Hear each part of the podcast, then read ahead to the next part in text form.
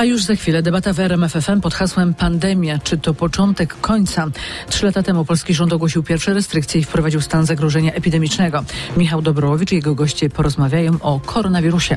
A wcześniej w faktach mowy końcowe w procesie o zabójstwo prezydenta Gdańska Pawła Adamowicza. Prokuratura domaga się dożywocia dla Stefana W.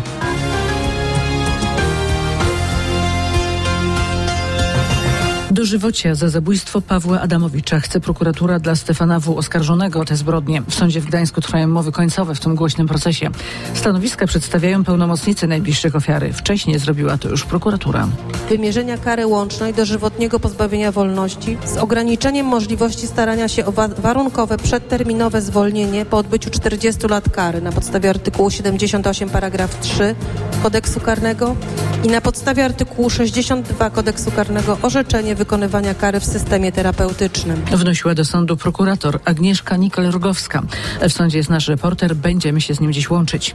To zabójstwo doszło cztery lata temu w trakcie trwającego w Gdańsku finału Wielkiej Orkiestry Świątecznej Pomocy. Na scenę niepowstrzymywany przez nikogo wbiegł Stefan W. i zadał prezydentowi Adamowiczowi kilka ciosów nożem. Sąd rodzinny zdecyduje dziś o umieszczeniu w schronisku dla nieletnich sześciorga nieletnich z Pruszkowa i okolic zatrzymanych za pobicie i poniżenie czternastolatka. Napastnicy bili, kopali i gasili papierosy na ciele ofiary. Całe zajście zarejestrowali telefonem komórkowym. Policja ma już nagrania z innych zdarzeń z udziałem zatrzymanej grupy nastolatków. W faktach teraz Mariusz Piekarski. Witam. Witamy. Mariuszu, co grozi młodocianym oprawcom? Mm, umieszczenie w zakładzie poprawczym, bo żadna z zatrzymanych osób nie ma więcej niż 17 lat. Będą odpowiadać za rozwój, rozbój, pobicie i usiłowanie pobicia, ale na mocy, nie na mocy kodeksu karnego, a ustawy o resocjalizacji młodzieży. Na razie policja wnioskuje do sądu o umieszczenie trzech dziewczyn i trzech chłopców w schronisku dla nieletnich jako środka tymczasowego, bo nie mogą trafić do aresztu. Ważne, że policja ma już nagrania z innych kilku zdarzeń, nie tylko z końca lutego, to nagranie, które zostało ujawnione, ale także z początku marca, ale są także kolejne. Są nie mniej brutalne i wstrząsające, usłyszałem w policji. Co ważne, dotyczą także innych ofiar i jak ustaliłem, rodzice kolejnych nastolatków mają zgłaszać się na policję. Posłuchaj, chodzi o Twoje zdrowie. I zaczynamy debatę o zdrowiu w RMF FM i Radiu RMF24. Jej tytuł to, przypomnę, pandemia, czy to początek końca, czy dopiero koniec początku. Michał Dobrowicz i jego goście. Witamy i słuchamy. Dzień dobry. Dokładnie trzy lata temu w Polsce wprowadzono stan zagrożenia epidemicznego. Co było potem, wszyscy pamiętamy. Izolacja, kwarantanna, akcja Zostań w domu, pierwsze obostrzenia, nauka zdalna, praca zdalna. Tym bardziej cieszę się, że dzisiaj tutaj stacjonarnie, niezdalnie osobiście możemy się spotkać w studiu RMFFM wiceminister zdrowia Waldemar Kraska. Dzień dobry panie ministrze. Dzień dobry, witam.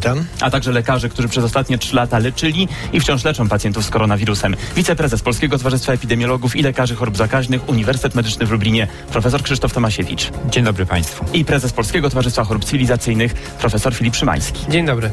Szanowni panowie, panie ministrze, stan zagrożenia epidemicznego obowiązuje w Polsce formalnie do końca marca, a co dalej? Czy od kwietnia może zniknąć? Jeszcze w tej chwili nie ma ostatecznej decyzji, ponieważ widzimy, że sytuacja epidemiczna w naszym kraju wcale nie jest taka łatwa. Dzienna e, ilość zakażeń to około 3000, także ponad 3000 w tej chwili pacjentów jest hospitalizowanych z powodu COVID-19, więc myślę, że no, w ciągu tych dwóch tygodni na pewno będziemy się bacznie przyglądać tej sytuacji epidemicznej. Gdyby dzisiaj, 13 marca, miał pan podjąć decyzję i rekomendować, to byłoby to zniesienie stanu zagrożenia epidemicznego czy utrzymanie? Raczej bym jeszcze rekomendował przedłużenie tego stanu, ponieważ ta sytuacja y, może być różna, szczególnie, że te trzy lata pandemii nauczyły nas pokory, że pandemia nie czyta naszych prognoz, nie czyta naszych przewidywań, więc może być sytuacja jeszcze różna, więc myślę, że ta decyzja jest na pewno przed nami i w ciągu tych dwóch najbliższych tygodni. A już teraz u nas komentarz na gorąco lekarza, praktyka. Panie profesorze, profesor Krzysztof Tomasiewicz, pan też byłby za tym, żeby utrzymać na kolejne tygodnie, kolejne miesiące. I ilu pacjentów zakażonych koronawirusem w tej chwili pan leczy? No ja absolutnie zgadzam się z panem ministrem, dlatego że, proszę państwa, ostatnie dwa tygodnie to jest y, znowu wzrost liczby zakażeń, wzrost liczby przyjmowanych pacjentów. Mamy w tej chwili pełne obłożenie oddziału. y, 80-85% są pacjenci z COVID-19 i to wymagający hospitalizacji. A przecież liczba, ogólna liczba zakażeń jest dużo większa. Znowu się pojawiają ciężkie postacie. Także spokojnie, z tym, z tym takim hura optymizmem bym jeszcze absolutnie poczekał. Kto teraz choruje na COVID-19? To jest taka choroba troszkę dla wybranych w tej chwili, a więc pacjenci na pewno z y, chorobami onkologicznymi, hematonkologicznymi, osoby starsze, powyżej 70-75 roku życia, ale zdarzają się czas do czasu również osoby młode. Czy mają Państwo leki? Tu jesteście Państwo zabezpieczeni?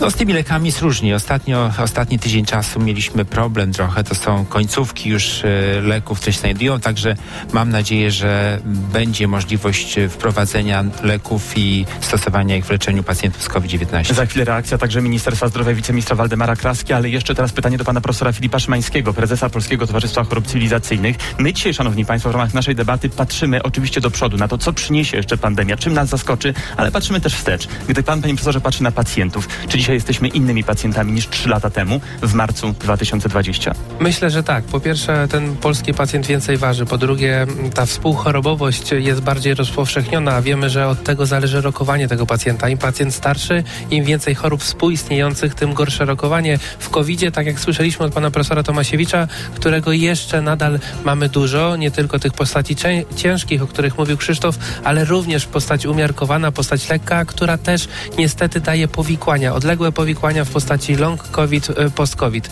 Co ważne, e, to nie tylko e, więcej ważący pacjent, ale to także częściej pacjent z depresją, zaburzeniami lękowymi, to także pacjent niedoleczony, ponieważ miał utrudniony dostęp do służby zdrowia w tych ostatnich miesiącach. I właśnie o tym, jaki jest plan odbudowy naszego zdrowia po tych trzech latach pandemii, a widać, że jest co odbudowywać, o tym będziemy dyskutować już za chwilę w dalszej części naszej rozmowy. Zostajemy w radiu internetowym RMF24, na portalu rmf24.pl i oczywiście w naszych mediach społecznościowych. Michał Dobrołowicz, zapraszamy. Dziękujemy. Nie ma jeszcze ostatecznej decyzji, czy stan zagrożenia epidemicznego zostanie od kwietnia zniesiony. Decyzja jest jeszcze przed nami.